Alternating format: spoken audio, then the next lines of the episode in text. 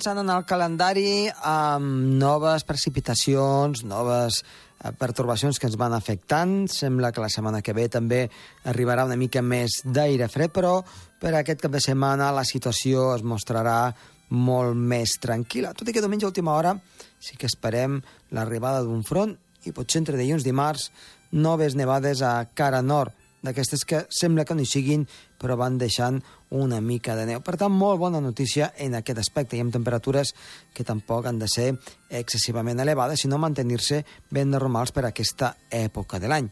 Avui en el programa parlarem de diferents coses relacionades també amb el fred. Som-hi!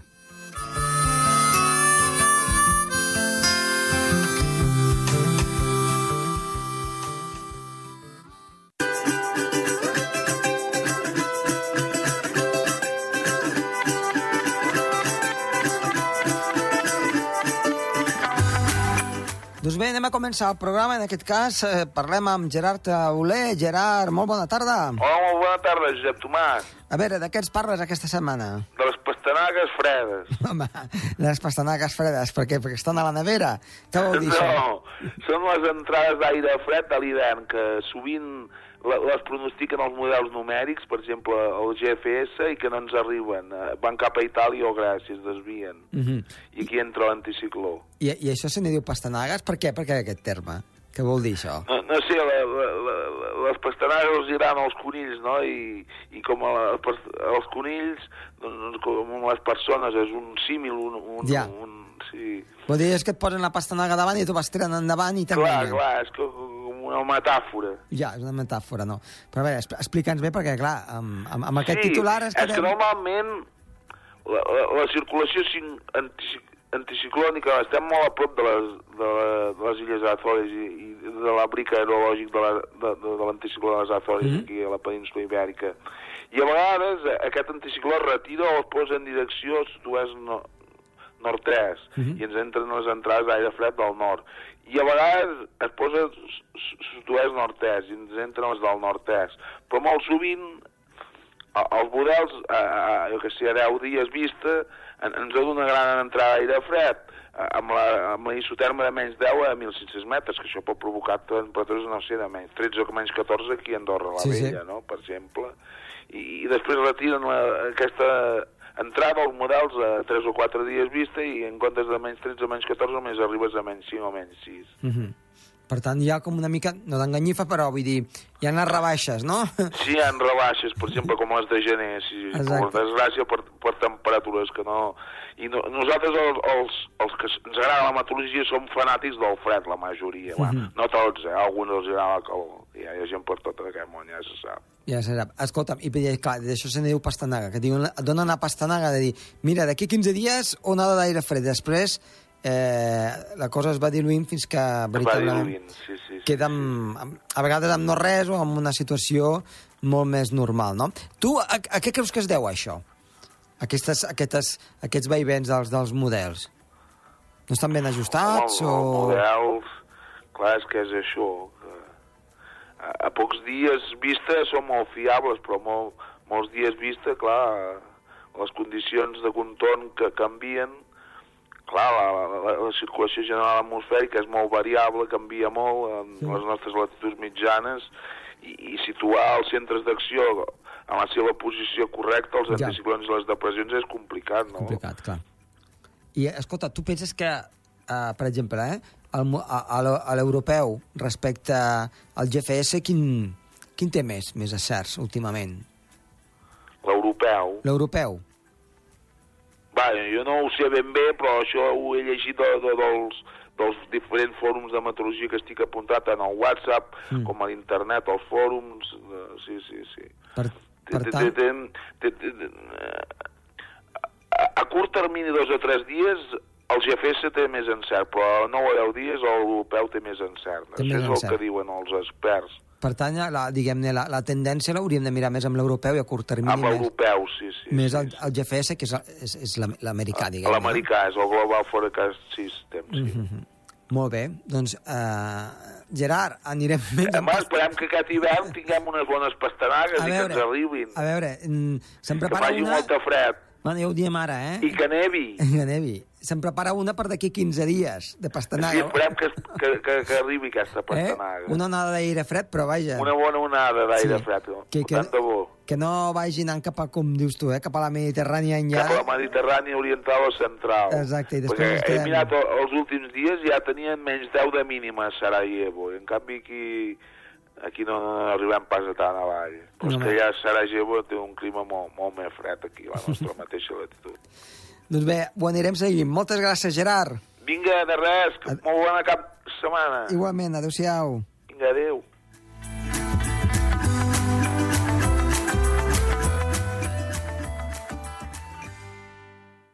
El Torb, amb Josep Tomàs.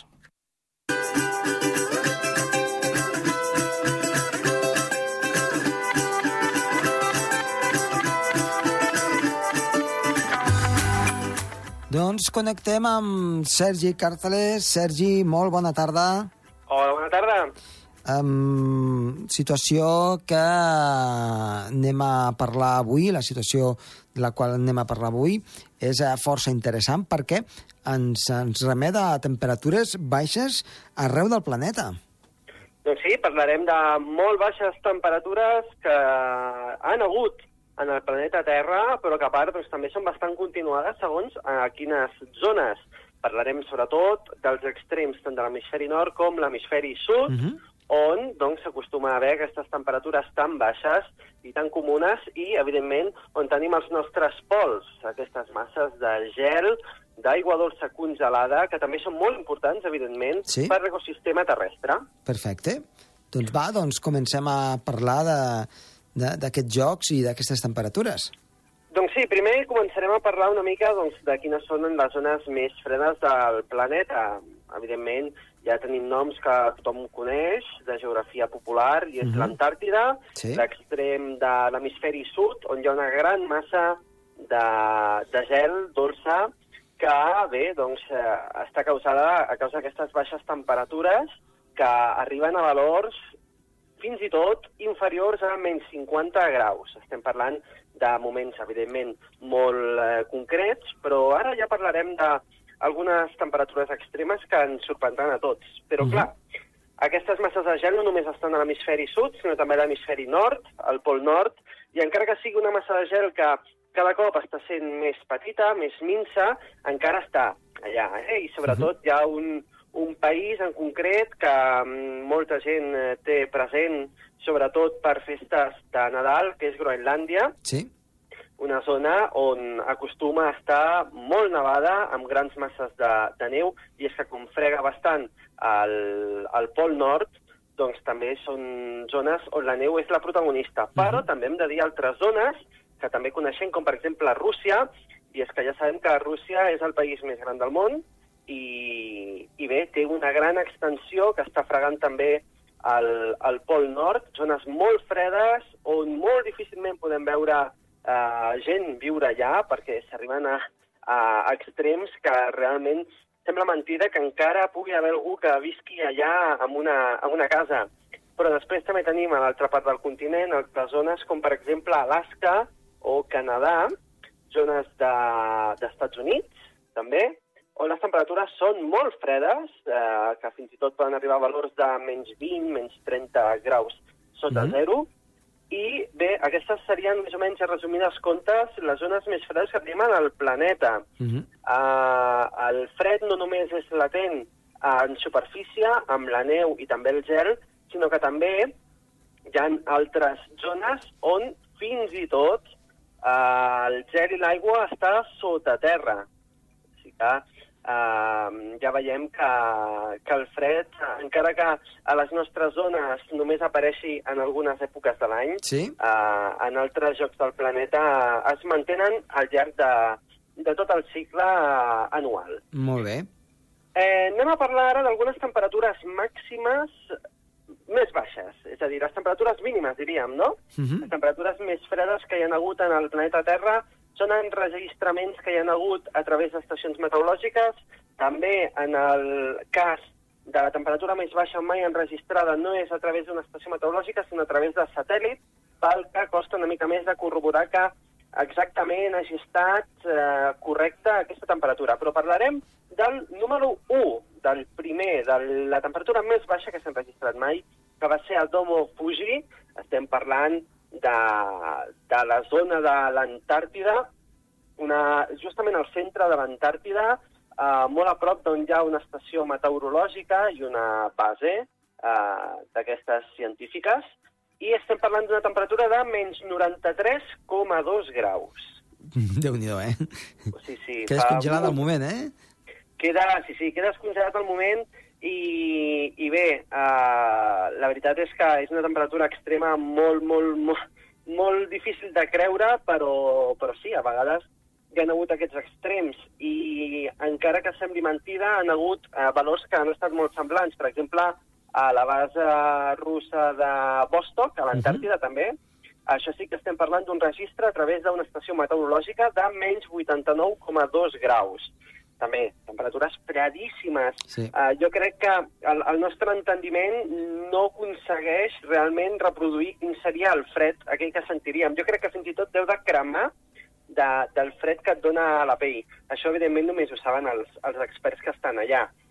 Però altres temperatures, per exemple, a la base de Amundsen, Scott, als Estats Units, com sí. hem dit, eh? també als Estats Units, hi ha temperatures molt fredes, eh, tocant al pol sud, menys 82 graus. Uh -huh. Després, altres zones de Rússia, alguns poblats, per exemple, la, la, el petit poblet de Oymyakon, Uh -huh. que és a Rússia, menys 71 graus, també temperatures molt baixes, Sí. i ja aniríem dient altres i altres registres de menys 60 sota 0, menys 65, quasi tota Rússia, Groenlàndia, aquestes zones que hem dit que, que bé, els extrems de temperatures baixes són molt, molt, molt extremes.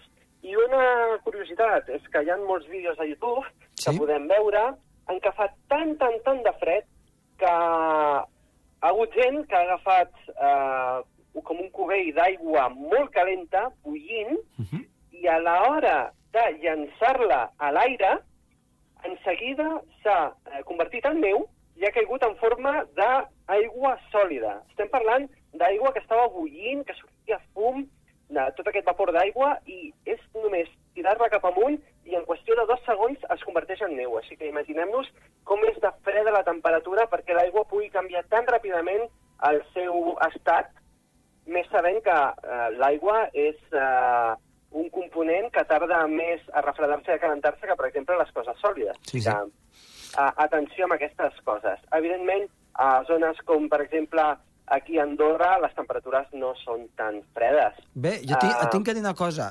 Eh, amb una onada d'aire fred ja fa bastants anys, eh, vaig pujar al port d'en Valira amb, amb una ampolla d'aigua que havia ficat a bullir, i em va donar temps d'arribar, i la temperatura voltava entre els 19 a 20 graus sota zero, al port d'en Valira, i a més ho tinc, ho tinc gravat, eh?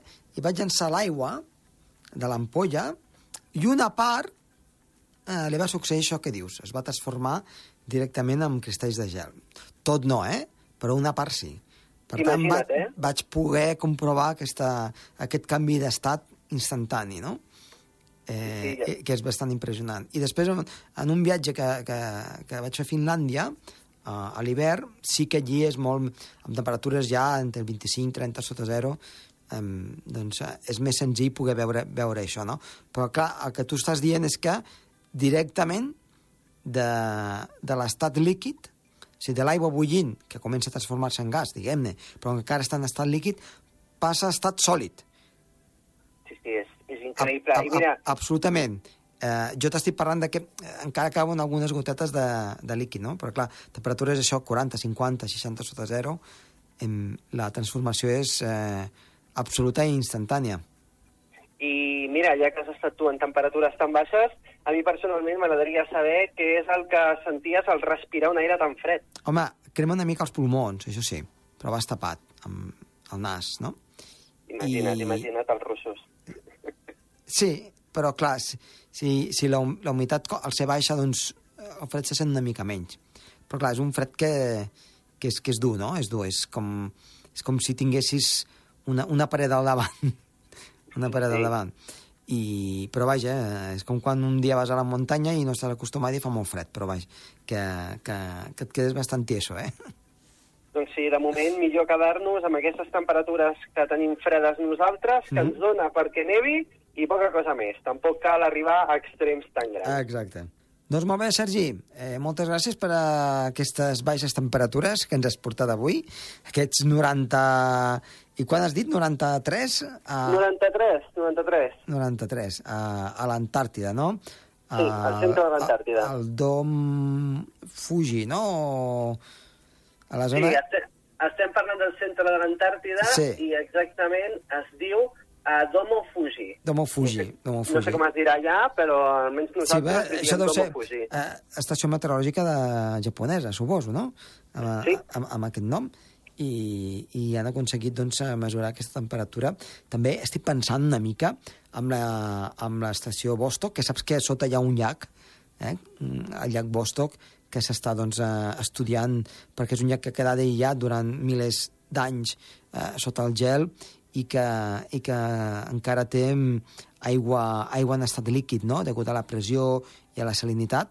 Estic pensant en les infraestructures, aquesta estació Vostok és de fa mm, força dècades, en les infraestructures russes que pugui haver allí, que espero que hagin millorat, si no, ho deuen passar una mica malament amb aquestes baixes temperatures, eh?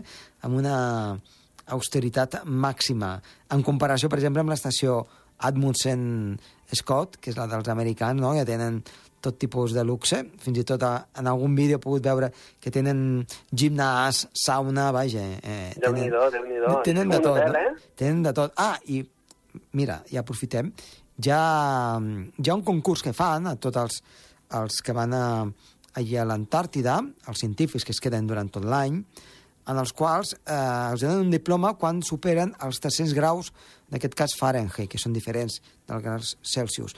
Es fiquen, quan la temperatura baixa aproximadament, eh, de menys de 60 graus sota zero, Mm. eh, i la temperatura em, que tenen a, a la sauna supera els 100 graus, ho fiquen, ho fiquen a 100 graus aproximadament, o 90 i escaig, clar, la diferència entre els menys 60 als, als, als 90 i pico, o 100 graus centígrads que hi ha dins la sauna, eh, el que fan és sortir ràpidament de la sauna amb, amb, amb botes i, i, i no, evidentment, pràcticament sense roba, fins al punt mig on ha, on ha la bola aquella del, del Pol Sud, que són uns 300 metres aproximadament, i van corrents i se'n tornen corrents amb aquestes temperatures. Llavors els donen un diploma conforme han superat eh, la prova d'aquests 300 graus Fahrenheit de, de xoc tèrmic.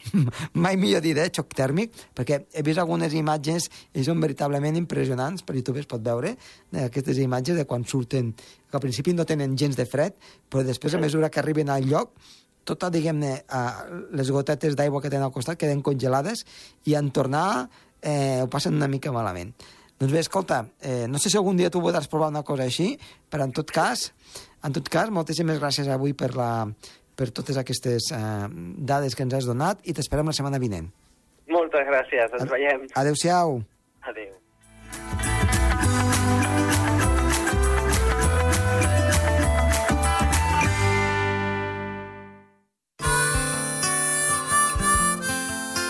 El Torb, amb Josep Tomàs.